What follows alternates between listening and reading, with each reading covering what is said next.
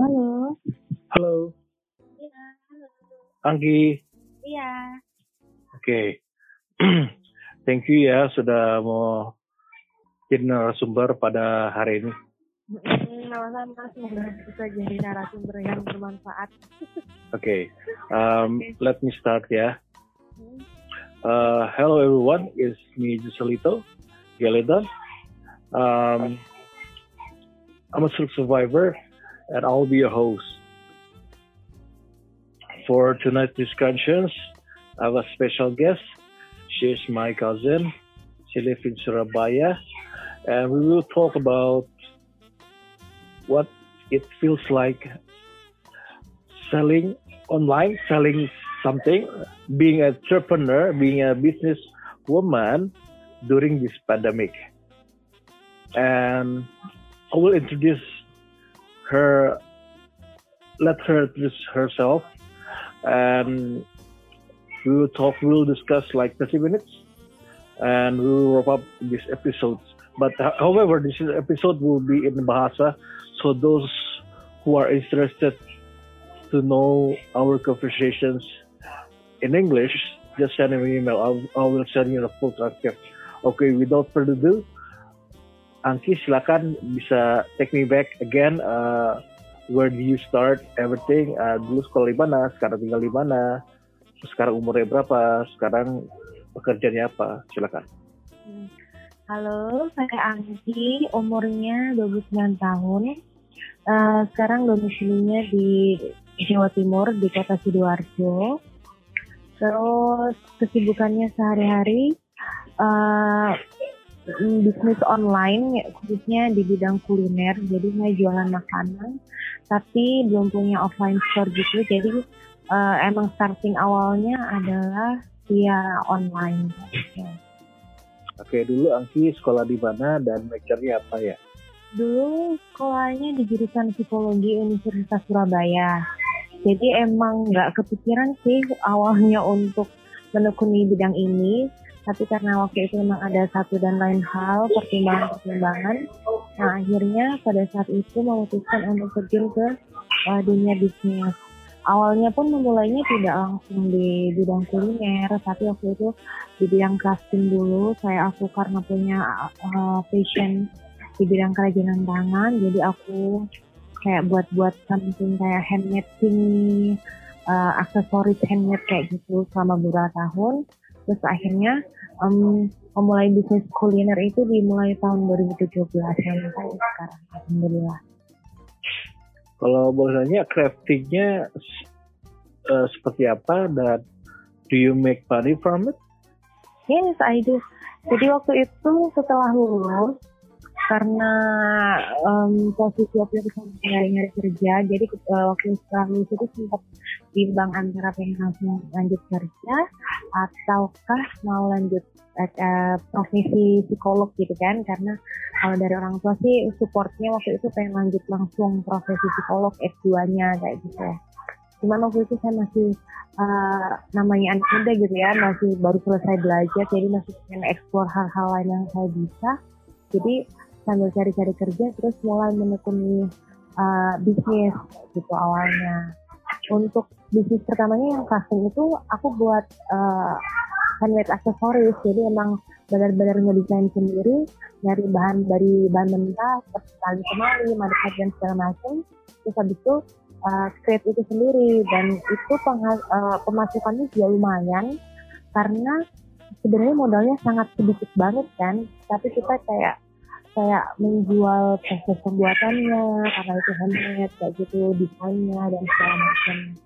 Dan mm, seringnya kita juga ikut bazar pameran kayak gitu. Karena waktu itu di uh, pertengahan tahun 2015 dan 2016 itu di Surabaya dan beberapa kota besar lainnya uh, sedang booming tematik bazar kayak gitu. Pameran-pameran yang memang support lokal brand dan kita salah satu brand di Surabaya yang uh, juga rutin untuk ikut acara-acara itu is acara ini juga nggak semua brand bisa masuk karena ada perseleksinya dulu kayak gitu. Dan dari bazar-bazar itu kita jadi lebih dikenal tentunya selain lewat online Instagram. Melalui bazar juga kita jadi bisa lebih dikenal. Terus punya pembeli dan pelanggan dari luar negeri beberapa yang waktu itu datang di bazar.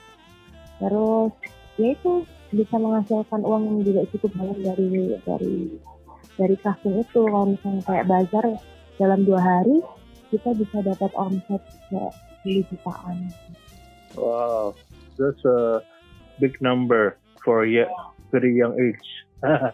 Waktu umurnya masih 24 dua ya antara 22 sampai 25 sekitar situ ya tapi yeah. sudah sudah apa sudah menggeluti sebuah uh, bidang usaha yang menghasilkan pemasukan untuk diri sendiri minimal uh, which is very good uh, saya mau nanya ada Angki itu punya punya keinginan lagi gak sih untuk fokus di akademis ya di psikologi? Uh, actually, actually sebenarnya kepengen karena psikologi pun bidang yang sangat amat saya sukai sih sebenarnya maksudnya. Waktu waktu awal masuk kuliah pun uh, memilih jurusan itu dengan senang hati tanpa ada paksaan dari pihak mana pun. Karena kan ya you know kalau zaman sekarang kadang-kadang kita ngikut apa yang dipilihkan oleh orang tua kan walaupun sekarang udah era modern. Tapi okay. kebetulan juga orang tua memilihkan eh, kita sebenarnya satu satu pendapat sih waktu itu. Jadi uh, bapak juga menyarankan dan saya memang suka bidang ini gitu. Karena aku ngerasa kayak nggak nggak nggak kuliah aja gitu loh. Kayak kayak uh, enjoying aja kan momen-momennya membuat referensi segala macam. Karena emang aku suka gitu dan merasa bisa. Terus kalau misalnya mau ditanya pengen bikin lagi sih? Pasti kepengen ya karena aku masih punya passion yang besar di bidang itu gitu. Cuman um, sekarang kayak lebih ke gini ada di fase aku ngejalanin apa yang memang ya Allah menakdirkan aja gitu. Aku nggak tahu ke depannya bakal seperti apa kan you never know gitu kan apa yang akan terjadi di masa depan. Cuman ya aku hidup untuk saat ini dulu aja kayak gitu. Karena dulu sempat sih uh, sekitar tahun 2016 sempat emang udah langsung mau daftar S2 setelah kakak meninggal. Jadi awal mulanya setelah lulus kuliah itu menggeluti dunia bisnis karena ada pertimbangan waktu itu kakak saya sempat didiagnosa terkena kanker jadi saya memilih untuk mencari pekerjaan yang waktunya lebih fleksibel untuk menemani beliau menjadi survivor cancer kayak gitu. Dan ketika beliau sudah meninggal setelah tiga tahun berjuang akhirnya saya mencoba untuk oh ya aku balik lagi nih untuk start uh, S2 lagi gitu kan untuk profesi tapi terus sudah sempat daftar sama bapak disuruh cancel dulu aja deh gitu. Nanti kita pending beberapa saat lagi. Terus ya udah mulai-mulai bisnis kuliner yang sampai sekarang. Jadi saya kadang ngerasanya oh, mungkin emang jalannya Allah untuk saya ada di bidang ini dulu sekarang. Tapi untuk ke depannya sih belum tahu kayak bakal gimana lagi. Oke okay. um, my next question is sekarang lagi jualan um, makanan online ya betul betul. makanan online. Jadi uh, untuk bagi para listener out there Angki ini sangat mahir loh masak. Saya mungkin nurunin dari ibunya. Mungkin nggak mungkin bapaknya ya. Bapaknya hanya tahu makan aja kan? Iya. Bapaknya pengamat aja. Yeah. pengamat dan pemberi kritik iya. Uh, kalau boleh tahu uh, jualan online-nya tuh di Facebook kah, di Instagram kah, atau di mana?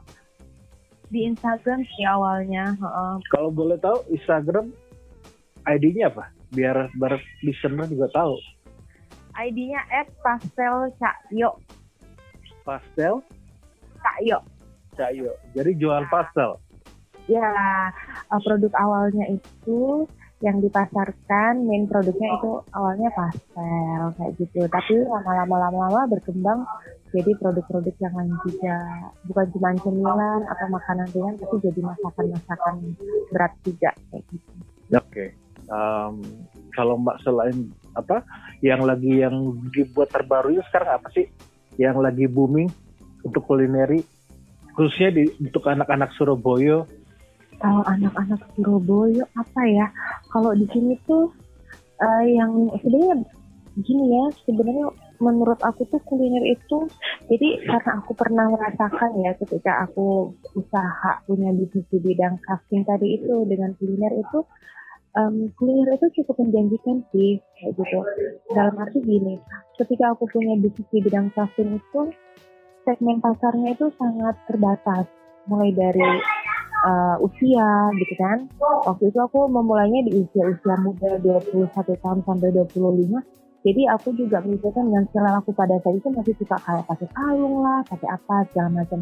Ternyata ketika usia bertambah, uh, keinginan itu tuh agak berkurang kayak gitu. Nah, jadi hmm. segmen pasarnya itu sangat terbiasa usia dan gender sih, jenis kelamin kan, perempuan kayak gitu.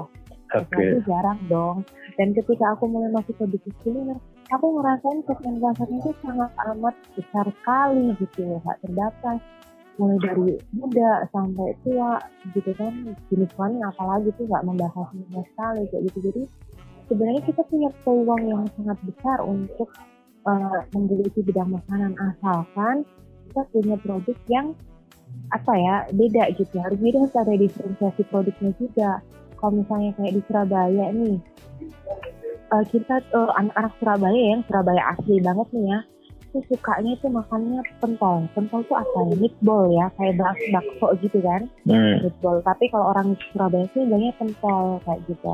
Oke. Okay. nah, jadi uh, ada ada satu brand yang dia tuh cukup berhasil untuk membuat pentol tuh uh, dia membuat pentol tuh menjadi lebih naik kelas kayak gitu. Karena know pentol itu adalah makanan pinggir jalan biasanya di depan-depan sekolah SD SMP kayak gitu kan kalau di Surabaya ini. Tapi dia membuat pentol ini menjadi sesuatu yang bisa dijual di mall kayak gitu. Dan itu laku dan itu sampai ngantri-ngantri kayak tujuannya di mana? Dia buat pentol itu kayak punya versi level-level gitu. Karena kan bunyinya pedes-pedes ya.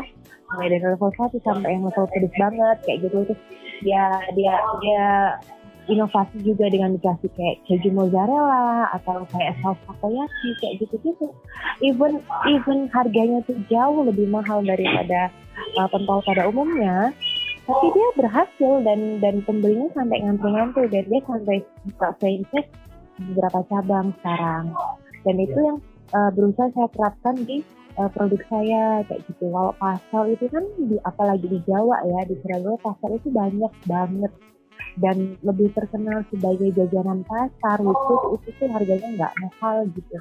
Tapi gimana buat saya untuk membawa produk pasal yang lain rasanya yang tekstur kulitnya beda yang kalau di Jawa itu nggak dimakan pakai sambal tapi saya bawa produk ini dengan uh, sambal sebagai khasnya gitu jadi orang tertarik untuk membeli karena dia nggak nggak pernah nih ngeliat pasar yang seperti ini walaupun dengan harga yang di atas rata-rata tapi mereka mau membayar untuk itu. I see. Um, kalau boleh cerita, Angki dulu ketika memulai bisnis kuliner ini, apakah memang passionnya sendiri atau memang sempat belajar dulu sama orang tua atau sama orang lain gitu? Waktu memulai bisnis kuliner tuh nggak pernah kepikiran sebelumnya karena emang bukan karakter yang seneng eh, suka baking sih. Emang dari awal tuh suka baking. Jadi siapa tuh kalau boleh cerita sejak zaman oh, SMA atau zaman kuliah kayaknya. Jadi okay. aku sering setiap kita libur semester kan itu pasti lama ya satu dua bulan ya kalau zaman kuliah kita libur semester itu. Nah, jadi ketika aku punya waktu luang, aku perhatiin dulu tuh seringnya aku manfaatin untuk masak baking. Tapi saya bukan masak masakan berat, emang sukanya tuh milan gitu, kue-kue kayak gitu. Memang aku sukanya kayak gitu. Tapi nggak pernah ngerasa, oh kayaknya ini bakalan diterusin dan diseriusin itu sama sekali nggak pernah kepikiran. Kayak cuman mengisi mengisi waktu luangku dari dulu waktu-waktu libur kuliah itu memang dua hal aja, casting dan masak gitu jadi apa pun yang aku kayak buat binder sendiri, aku hias-hias sendiri. Jadi pas kan dipikir, oh ya, jadi ini yang dua hal ini memang yang dari dulu tuh aku suka sebenarnya. Selain memang bidang psikologi loh ya, tapi kalau misalnya aku punya waktu luang pas liburan, yang informal thing yang aku lakukan itu ya dua hal ini, crafting dan masak kayak gitu. Oke. Okay. uh, untuk menjalani bisnis ini sih emang kak bukan emang punya passion tapi nggak pernah kepikiran dan awalnya karena iseng aja iseng karena mama suka masak dan produk pastel ini adalah salah satu yang ketika teman-teman diajak ke rumah terus dibikinin ini tuh pada suka gitu. Dan dari zaman dulu itu udah punya wacana buat kenapa sih kita nggak jual? gitu kan. Kenapa kita nggak jual produk ini? Nah akhirnya pas waktu sudah sudah ada waktu dan ya maksudnya sudah time tepat akhirnya coba deh di ini di apa namanya dijual dan dilempar ke pasaran. Walaupun sebenarnya orang tua awalnya nggak mendukung karena kayak mereka tuh nggak mikir kalau ini bakal jadi gitu loh kayak nggak belum mengetahui the power of sosial media gitu, the power of gimana sih kita bisa memasarkan produk lewat online dan bisa dikenal dari mulut ke mulut kayak gitu. Mereka nggak bakal nggak punya ekspektasi bakalan bisa lebih maju dari sekedar pasar rumahan kayak gitu. Ya, yeah. oke. Okay. Um, dari cerita Aki tadi menjelaskan dan menegaskan bahwa hobi itu bisa dimonetize ya. Artinya bisa ada kalau diseriusin ada konsistensi, ada ketekunan, bisa menghasilkan uang gitu. Dan cerita yang dari crafting sampai dengan kulineri, Aki selalu merubah itu menjadi hobi, menjadi sebuah peluang gitu. Nah, soalnya banyak banyak. Nah gini, sebelum kita masuk ke topik main topiknya, yeah. karena uh, saya anggap Angki itu masuk di generasi milenial ya, yeah. oke? Okay? um, banyak sekali generasi milenial di Indonesia itu uh, mereka akan booming di 25 tahun 50 tahun lagi artinya mereka usia produktif ya kan ya um, sementara banyak dari mereka yang uh, mungkin masih bingung how to monetize their ability ya. Nah how how, how monetize their passion. Nah, ada ada nggak tips buat buat mereka Angki buat generasi kayak kamu gini yang di seluruh Indonesia yang apalagi lagi masa seperti ini ada nggak tips buat kamu agar mereka bisa eh loh bangkit bisa melakukan sesuatu gitu maksudnya masa seperti ini tuh di pandemi yes. corona ini. Nggak nah. nggak usah pandemik juga. Kan masalah pan, masa apa masa pandemi pandemik ini kan membuat situasinya makin sulit ya. Betul betul, iya kan? Makin sulit. Ya. kayaknya orang kayak ah malas deh gue ngomong nggak mau mungkin nggak ada yang beli kali kayak gitu kan? Kayak gitu gitu mindsetnya. Tapi uh, belajar dari Anki apa yang bisa tips yang bisa berikan kepada mereka sebenarnya kalau mau dibilangin aku ngasih tips juga kayaknya belum terlalu pantas karena aku sendiri juga masih belajar. Cuman kalau dari pengalaman pribadi sih, menurut aku gini kita harus punya kemauan dan konsisten itu tadi sih. kita punya sangat ba sangat banyak peluang gitu ya dan anak-anak Indonesia itu sangat kreatif gitu ya kan. Uh, ke liburan gitu, liburan buat vlog, di-upload ke YouTube bisa jadi duit kayak gitu kan terus iseng-iseng foto makanan kok bagus bisa jadi foodies yang itu kita bisa dibayar cuma dengan posting foto bagus tentang uh, sebuah produk makanan kayak gitu. Karena sejak menggeluti bidang bisnis online mau nggak mau saya juga harus membuka pengetahuan gitu kan dengan mengikuti beberapa seminar mulai dari seminar fotografi gimana caranya kita bisa buat foto produk itu supaya menarik terus dari situ akhirnya kenal banyak banyak teman-teman di luar sana yang profesinya mereka sangat beragam mulai dari influencer mulai dari fotografer uh, foodies jadi kayak oh, ternyata peluang kita untuk um, cari uang itu sebenarnya banyak banget loh dan dan itu semua hal yang bisa dipelajari sebenarnya Oke. Okay. Semakin, semakin banyak aku belajar ke pebisnis-pebisnis lain, yang awalnya cuma jualan jilbab kayak gini ya jualan jilbab terus dia kayak ngambil di Mangga Dua di ITC di Jakarta sana sampai akhirnya dia bisa jadi produsen sendiri dia mulai produksi baju produksi jilbab dan dia tuh kerjasama dengan perusahaan-perusahaan asing sampai sama uh, lain luar negeri, lain lain ini platform sosial media lain kayak gitu WhatsApp lain itu kan. Hmm. Terus dia bisa bisa pameran itu di Indonesian Fashion Week kayak gitu gitu yang diawali dengan dengan apa sih? Jualan kerudung beli di di ini di tanah abang kayak gitu. Tapi yang saya pelajari adalah mereka memang orang-orang yang punya keinginan yang besar dan dia sangat konsisten dan mau untuk terus belajar. Itu aja sih. Jadi um, dia nggak sembarangan dalam arti gini ini uh, personal yang saya ceritain ya satu satu tokoh ini dulu kalau nggak salah dia itu juga kuliah di jurusan perminyakan ITB dan sekarang malah jadinya punya bisnis jilbab kayak nggak nyambung gitu kan kayak yang aku lakukan sekarang juga kayak yeah. ya ini kok jadi jualan makanan kayak gitu yeah. tapi well kita memang butuh ilmu kita butuh kuliah kita butuh belajar kayak apa kita punya konsep gitu aja sih dalam berpikir dan dan nggak asal-asalan aja gitu. Even pun ketika kita setelah lulus yang kita harus ini adalah dunia bisnis tapi kita punya konsep dan kita punya daya juang yang mungkin kita pelajari ketika kita kuliah uh, formal kayak gitu. Wow. itu sih yang aku pikir. Jadi kita punya peluang yang sangat banyak asalkan kita konsisten dan, dan serius. Ketika saya masak pun saya ya saya memastikan kalau bahan-bahan yang saya kasih adalah yang terbaik jadi bisa menghasilkan rasa yang juga nggak sembarangan. Intinya gitu aja sih jangan mau sembarangan. Sebetulnya ya memang harus produk yang bagus kayak gitu aja bisa diterima sama masyarakat masalah harga dan segala macam. Itu pasti bisa menyelesaikan kok selama memang produk kita bagus orang juga akan tetap mencari. Dan kita punya pasar sendiri-sendiri sih nggak usah terlalu takut. Kalau misalnya yang aku pelajari banget juga adalah ketika orang bilang produk kita mahal ya nggak apa-apa itu bukan pasarnya kita gitu kita berusaha hmm. gimana cara untuk cari pasar kita oke okay. um, Angki melakoni usaha kuliner ini sejak kapan udah berapa tahun? Sejak tahun 2017 ya, berarti sekarang udah jalan tiga tahun. Empat tahun. Empat tahun ya. Oke. Okay. Oke. Okay. Artinya um, benar-benar ketekunan yang di dilaku, dilakukan oleh Anggi ya. Sam, sampai ini bisnisnya berjalan dengan baik. Tapi saya nggak tahu, saya nggak saya nggak masuk ke sisi finansialnya. Artinya saya nggak nanyakan omset atau berapa. Ya. Kalau bagi yang uh, listener yang tertarik untuk mengetahui lebih jauh mau belajar mau yang yang mungkin mikir gue juga punya bakat nih gue juga punya bakat kayak gue bisa masak gue bisa masak sesuatu nih dan memang enak kok gitu. Kata orang orang-orang keluarga gue enak mungkin bisa hubungin Angki untuk untuk untuk session tanya jawab lah.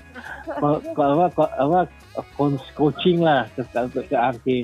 Tanya-tanya omsetnya berapa silakan tanya detailnya ke Angki. DM aja ke dia. Tadi Aji kan udah dicatat. Nah gini Angki. Um, banyak banget yang kayak contoh kayak kamu kan jualannya uh, pastel ya? Itu banyak banget orang jualan pastel. Iya gak sih? Iya gak sih? Tapi gimana biar produk kita itu stand out gitu loh? Gimana caranya biar produk kita stand out? Tapi bagi yang di sana sana saya ngomong gini karena memang produknya Angki ini stand out.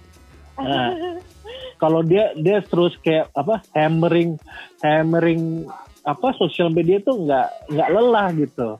Nah mungkin aku bisa kasih apa sedikit cerita tuh gimana sih biar bisa produknya itu bisa stand out dibandingkan yang lain gitu. Karena banyak yang season ya season season inter, season entrepreneur atau business woman atau businessman yang kalau udah mentok ah capek deh gue nggak kayak bukan bidang gue nih karena baik lagi kerja jadi karyawan 9 to 5 kan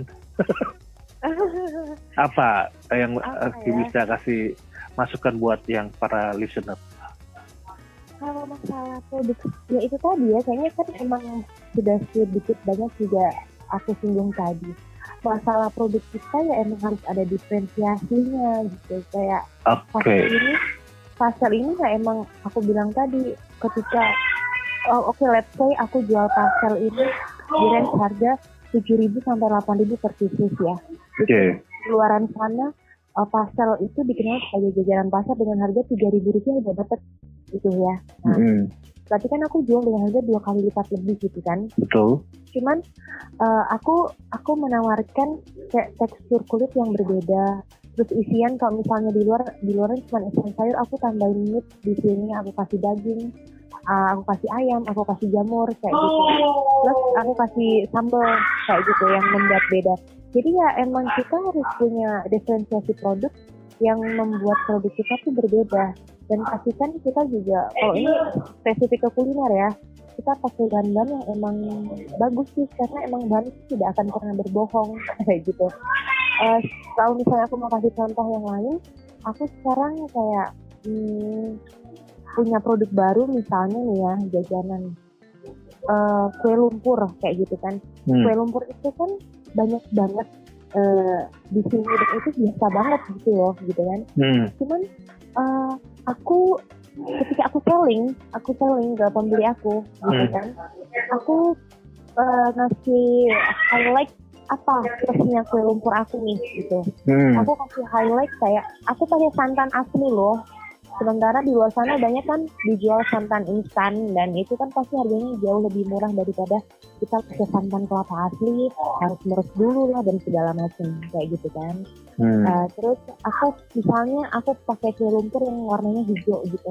Aku kasih highlight lagi uh, aku pakai ini loh pewarna asli dari dan pandan jadi produk-produk aku ini semuanya alami tanpa bahan pengawet tanpa pewarna aman buat anak-anak. Nah akhirnya dari dari pro dari dari proses yang aku lakukan itu banyak pembelinya kayak gitu kan. Banyak yang hmm. tertarik untuk membeli. Dan ketika mereka coba pun mereka kayak alhamdulillah ngerasa kayak kok ini lain ya? Kayak gitu. Kok beda sama yang uh, di luar sana? Kayak gitu. Walaupun memang aku berusaha untuk beradaptasi sih karena dari hasil sharing film yang teman-teman lainnya sesama bisnis uh, emang kita, uh, at the end yang paling berhasil adalah orang yang paling bisa beradaptasi dengan situasi kan? Kayak gitu karena kita punya banyak pasar nih. Ketika aku lempar makanan aku ini online aku mm. bisa jual dengan harga yang emang tinggi. Dan itu laku-laku aja karena aku udah punya pasar. Karena orang-orang aku udah punya pelanggan yang emang uh, gimana pun akan tetap nyari produk aku. Itu harganya mungkin di atas rata-rata tapi mereka puas kayak gitu. Tapi ketika aku coba lempar produk aku untuk di orang sekitar rumah aku nih mm-hmm. ya kan aku tinggal di perumahan tapi perumahan aku ini ibu-ibunya juga ini jiwa entrepreneurnya tinggi. Jadi kita punya satu grup WhatsApp uh, di perumahan ibu-ibu sini yang khusus buat kita jualan kayak gitu Hmm. Ketika aku lempar di pasar aku di perumahan sini, pasti kan harganya akan tinggi banget. Yeah. Jadi aku cuma ngasih produk-produk yang aku masih bisa uh, jual dengan level yang tidak terlalu jauh. Jadi produk kayak kayak lumpur, nah itu aku masih bisa lempar di sini. Kayak gitu. Terus kayak sebagai bentuk adaptasi aja sih kayak gitu. Jadi kita bisa punya pasar atas dan pasar bawah kayak gitu tapi even pun harganya harganya nggak nggak mungkin nggak terlalu mahal tapi tetap kita harus um, jangan kalau rasanya nggak murahan kayak gitu. Dan okay. punya pembeda daripada produk-produk yang lain. Yang jualan lumpur aja di perumahan aku itu tiga orang gitu kan. Banyak ibu-ibu lainnya juga jualan. Cuman alhamdulillah ketika lumpur aku aku aku lempar laris juga gitu laku juga. Dan ketika yang paling penting adalah repeat ordernya kan. Ketika ada repeat order berarti orang suka kayak gitu sih kalau menurut aku. Jadi masalah harga itu bukan terlalu uh, yang prioritas ya. Artinya kadang-kadang kan uh, ada yang dikorbankan. Kalau pengen harga murah pasti kualitasnya akan turun. Betul. atau vice versa sebaliknya. Nah tapi Angki memilih uh, target pasarnya sudah jelas siapa gitu ya. Uh, artinya nggak harga lebih mahal nggak masalah. Yang penting enak ya hmm. seperti itu ya. Nah tapi gini, um, ketika Aki buat sebuah apa bisnis makan itu sebuah produk, apakah harus mengerti si segmen pasarnya dulu, si target pasarnya dulu, atau memang uh, dilempar gitu aja, bahwa ini loh ini produk saya gitu, suka apa enggak, baru dari situ baru kelihatan tuh, baru ter ter terseleksi siapa sih uh, apa namanya uh, customer yang setiaknya yang ada repeat order lah gitu. Sebenarnya emang kita nggak bisa sih kalau dari awal kita sudah menentukan segmen pasar karena kita hmm. nggak pernah tahu daya beli orang gitu sebenarnya menurut okay. Karena e, ternyata misalnya ketika aku lempar di sini pun beberapa produk aku yang menurut aku bisa lebih diterima orang-orang luar Mm-mm. ada juga yang berani beli di sini ya mereka karena karena setiap orang tuh punya standar Eh, gini kalau menurut aku setiap orang tuh punya dalam hidup mereka mereka punya prioritas masing-masing ada orang yang mau menghabiskan uangnya untuk bidang traveling gitu kan Mm-mm. ada orang yang hidupnya biasa aja dia nggak fashion dia nggak apa makanannya biasa aja tapi dia traveling sampai ke mana-mana gitu Ah, iya. ada orang iya kan ada orang yang eh, dia nggak pernah traveling tapi kalau urus dan dia dia dia dia juga berpakaian juga biasa aja. Tapi kalau urusan makanan mulai dari makanan yang ya yang makan sekali makan all you can eat 200 ribu itu dia jadi ya itu tadi ya kayaknya kan emang sudah sedikit banyak juga aku singgung tadi. Masalah produk kita ya emang harus ada diferensiasinya gitu kayak pasal ini pasal ini ya emang aku bilang tadi ketika oh, oke let's say aku jual pasal ini di range harga 7.000 sampai 8.000 per pieces ya. Oke. Di luaran sana uh, pasal itu dikenal sebagai jajaran pasar dengan harga 3.000 rupiah udah dapet gitu ya. Nah, Mm-mm. berarti kan aku jual dengan harga dua kali lipat lebih gitu kan. Betul. Cuman uh, aku aku menawarkan kayak tekstur kulit yang berbeda. Terus isian kalau misalnya di luar di luar cuma isian sayur, aku tambahin meat di sini aku kasih daging, uh, aku kasih ayam, aku kasih jamur kayak gitu. Terus aku kasih sambal kayak gitu yang membuat beda. Jadi ya emang kita harus punya diferensiasi produk yang membuat produk kita tuh berbeda. Dan pastikan kita juga kalau ini spesifik ke kuliner ya, kita pakai bahan-bahan yang emang bagus sih karena emang bahan itu tidak akan pernah berbohong kayak gitu. Kalau misalnya aku mau kasih contoh yang lain, aku sekarang kayak hmm, punya produk baru misalnya nih ya jajanan eh, kue lumpur kayak gitu kan. Hmm. Kue lumpur itu kan banyak banget eh, di sini dan itu biasa banget gitu loh gitu kan Hmm. cuman eh, aku ketika aku selling aku selling ke pembeli aku gitu Hmm. kan aku eh, ngasih highlight apa plusnya kue lumpur aku nih gitu Hmm. aku kasih highlight kayak aku pakai santan asli loh sementara di luar sana banyak kan dijual santan instan dan itu kan pasti harganya jauh lebih murah daripada kita pakai santan kelapa asli harus meres dulu lah dan segala macam kayak gitu kan Hmm. Uh, terus aku misalnya aku pakai kue lumpur yang warnanya hijau gitu. Aku kasih highlight lagi. uh, aku pakai ini loh pewarna asli dari dan pandan. Jadi produk-produk aku ini semuanya alami, tanpa bahan pengawet, tanpa pewarna, aman buat anak-anak. Nah akhirnya dari dari pro, dari dari proses yang aku lakukan itu banyak pembelinya kayak gitu kan. Banyak yang Hmm. tertarik untuk membeli dan ketika mereka coba pun mereka kayak alhamdulillah ngerasa kayak kok ini lain ya kayak gitu kok beda sama yang uh, di luar sana kayak gitu walaupun memang aku berusaha untuk beradaptasi sih karena dari hasil sharing sharing dengan teman-teman lainnya sesama pebisnis uh, emang kita, uh, at the end yang paling berhasil adalah orang yang paling bisa beradaptasi dengan situasi kan? Kayak Mm-mm. gitu karena kita punya banyak pasar nih. Ketika aku lempar makanan aku ini online aku Hmm. bisa jual dengan harga yang emang tinggi. Dan itu laku-laku aja karena aku udah punya pasar.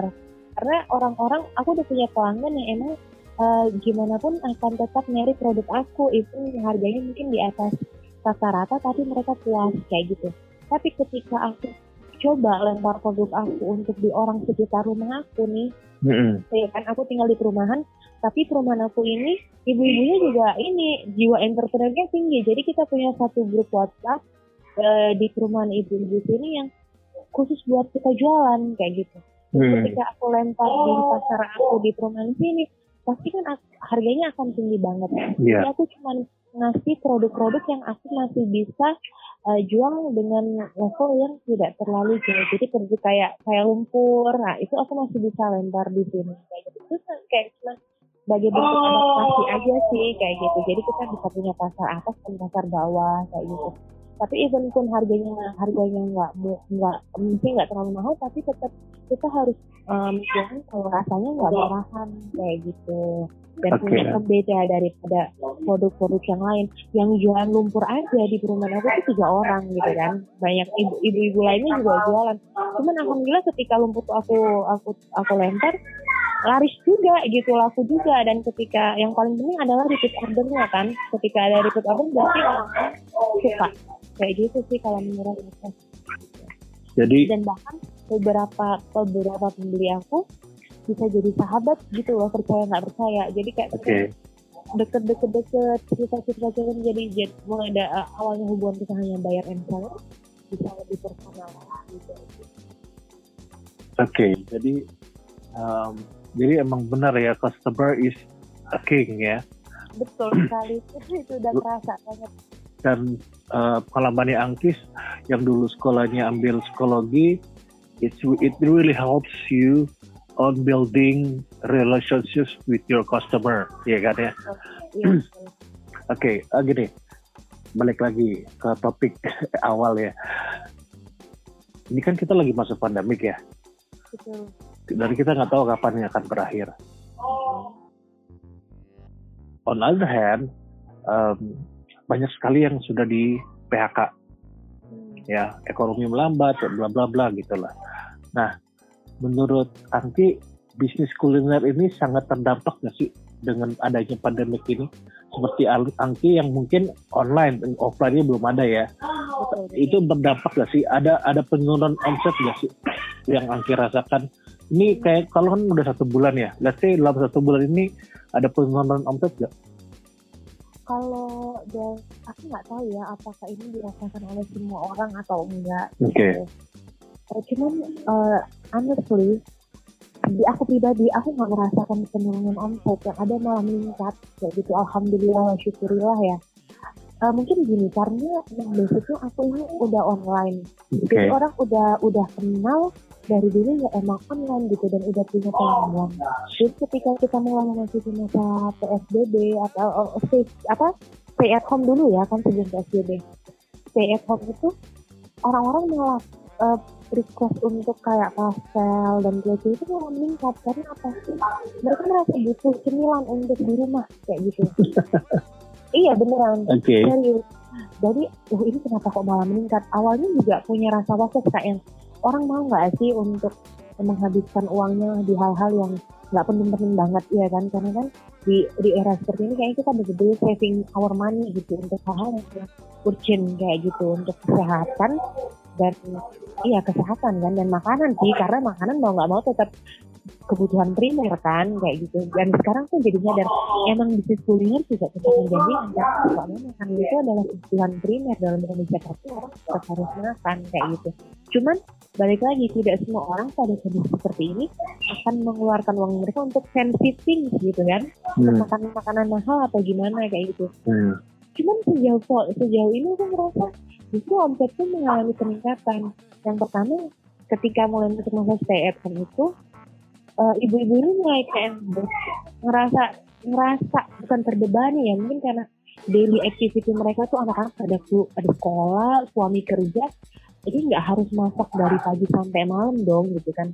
Dan ketika suami anak-anak semua stay at home dia benar-benar harus muter otak gimana caranya pagi siang sore malam eh, menyediain makanan untuk mereka makanan dan cemilan akhirnya mereka ujung-ujungnya lari ke ke ini seller kayak kita nih yang jualin makanan supaya mereka nggak bosen dan supaya nggak capek masak masak dari pagi sampai sore kayak gitu satu satu kali makan pesen aja deh di luar kayak gitu. Oke. Jadi sebetulnya kalau kayak ada peningkatan. Oke. Eh, cuman itu memang kembali lagi ke eh, kepercayaan customer untuk produk kita. Maksudnya kan di era pandemi ini tidak sembarangan orang mau jajan di luar kan. Jadi ketika mereka masih beli di kita berarti alhamdulillah mereka masih percaya bahwa produk yang kita sajikan ini higienis yang nomor satu ya kan. Hmm. Itu yang paling penting sih aku rasa. Kalau untuk pem- pejuang-pejuang kuliner lain yang aku tahu emang banyak banget sih yang terdampak. Kayak salah satu temen yang punya store online akhirnya dia ini mengalami defisit dan mau nggak mau harus bisa backupnya lewat ini penjualan online. Jadi delivery juga kayak gitu. Dia punya usaha all you can eat Kalimantan. Jadi dia backupnya sekarang lewat makanan yang delivery sampai bahkan kompor. Kompor buat all you can eat itu kan dipinjemin gitu ke ke pembelinya dia diantarin ke rumah dipinjam buat pembeli tetap merasakan efek-efek apa gitu. Grilling gitu kan. Di rumah kayak gitu. Jadi ya kita tetap harus beradaptasi. Cuman yang sejauh ini aku paling tahu yang terdampak banget itu ya itu ya kayak pedagang kaki lima. Kayak tadi barusan barusan aja maghrib beli makanan di luar buat nikah. Ya itu penjualnya cerita kalau di masa-masa ini PSBB udah benar-benar sepi banget omsetnya sangat turun kayak gitu. Apalagi malam tuh orang udah nggak ada yang ini kan keluyuran kan sekarang udah di rumah itu mereka yang sangat takut khususnya bagi UMKM seperti Angki lah. Ya betul betul. Uh, Angki ini this is my last question. Um, gini. Angki sekarang kan sangat menggeluti ya bidang kulineri ya kan? Sudah empat tahun menjalaninya walaupun nggak pernah terbayangkan ya sih?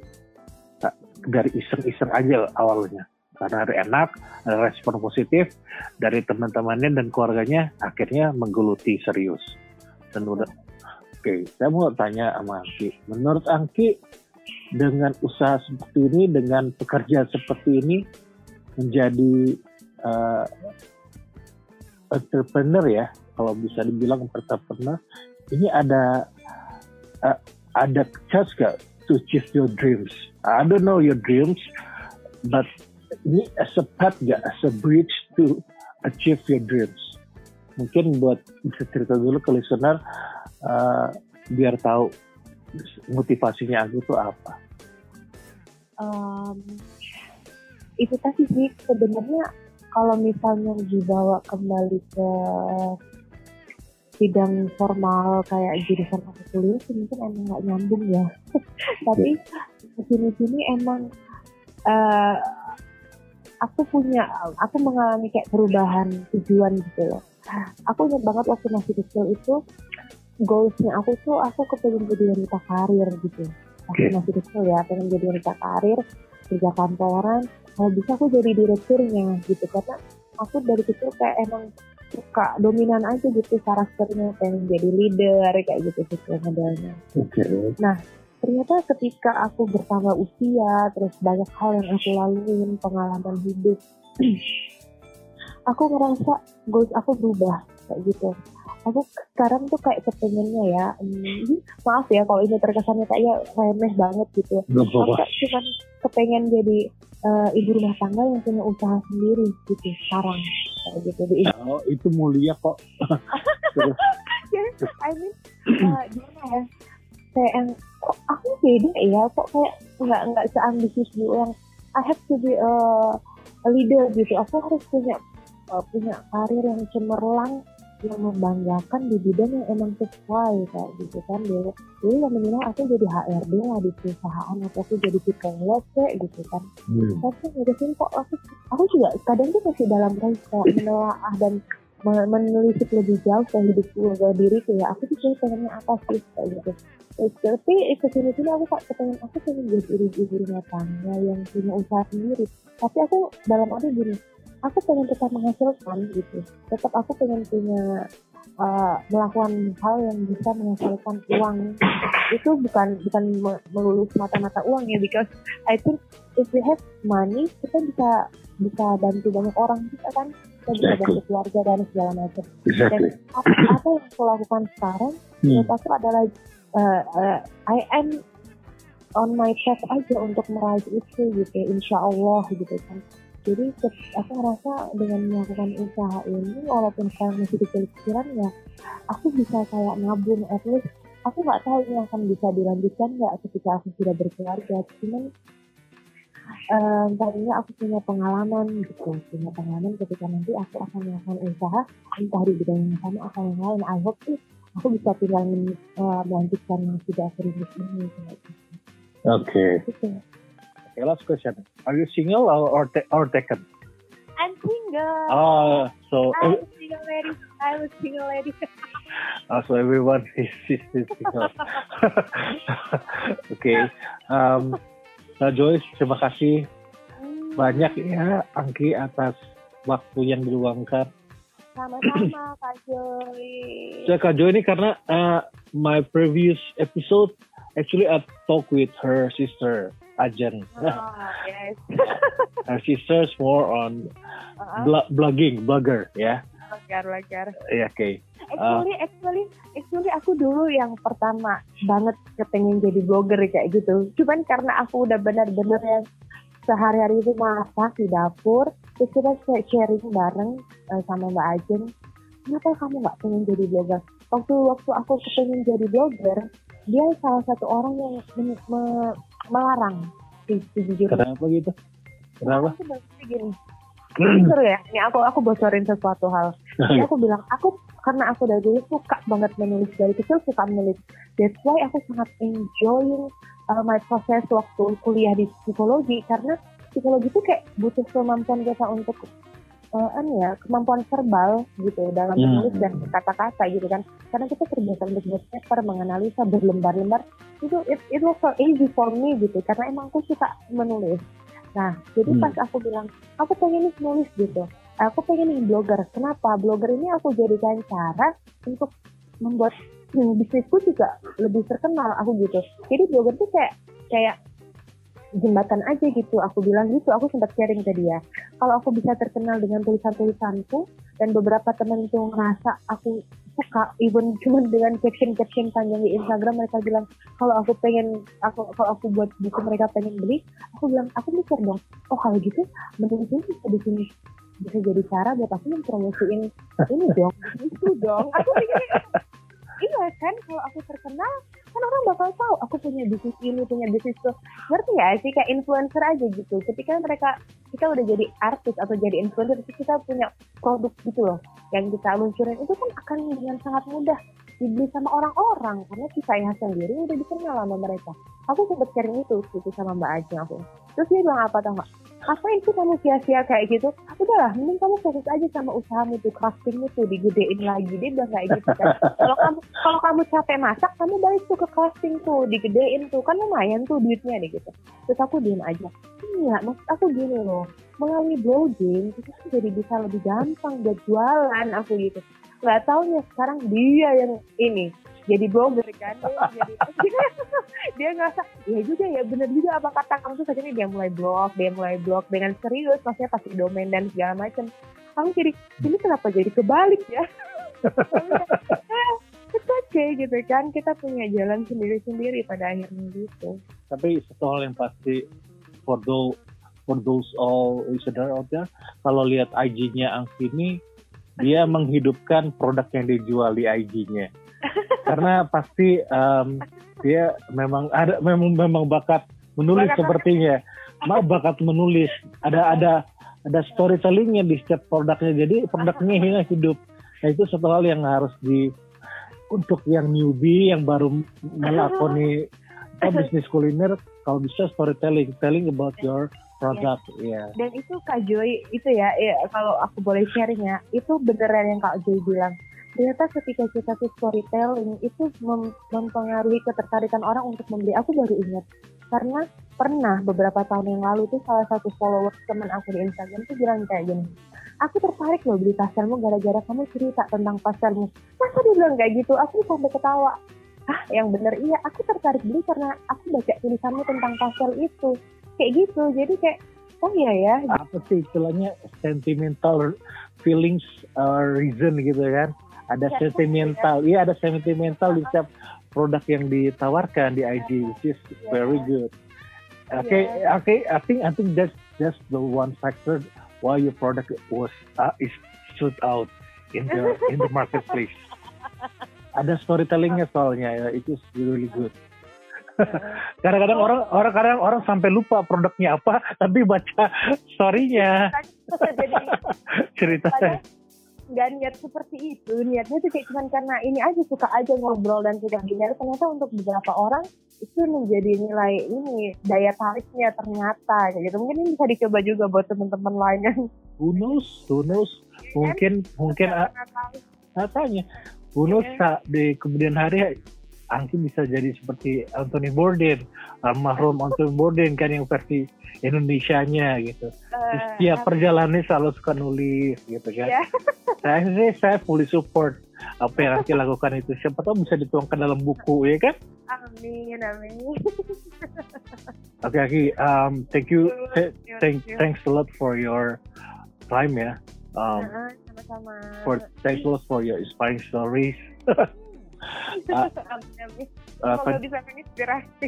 kakak ya utamanya itu semoga menjadi inspirasi buat yang di luar sana yang Iya, pada khususnya pada generasi mil- milenial seperti Angki. Jangan jangan cepat menyerah lah intinya. Betul, betul. um, to- tolong sampaikan salam ke mama papa Iya, sama-sama Kak Joy.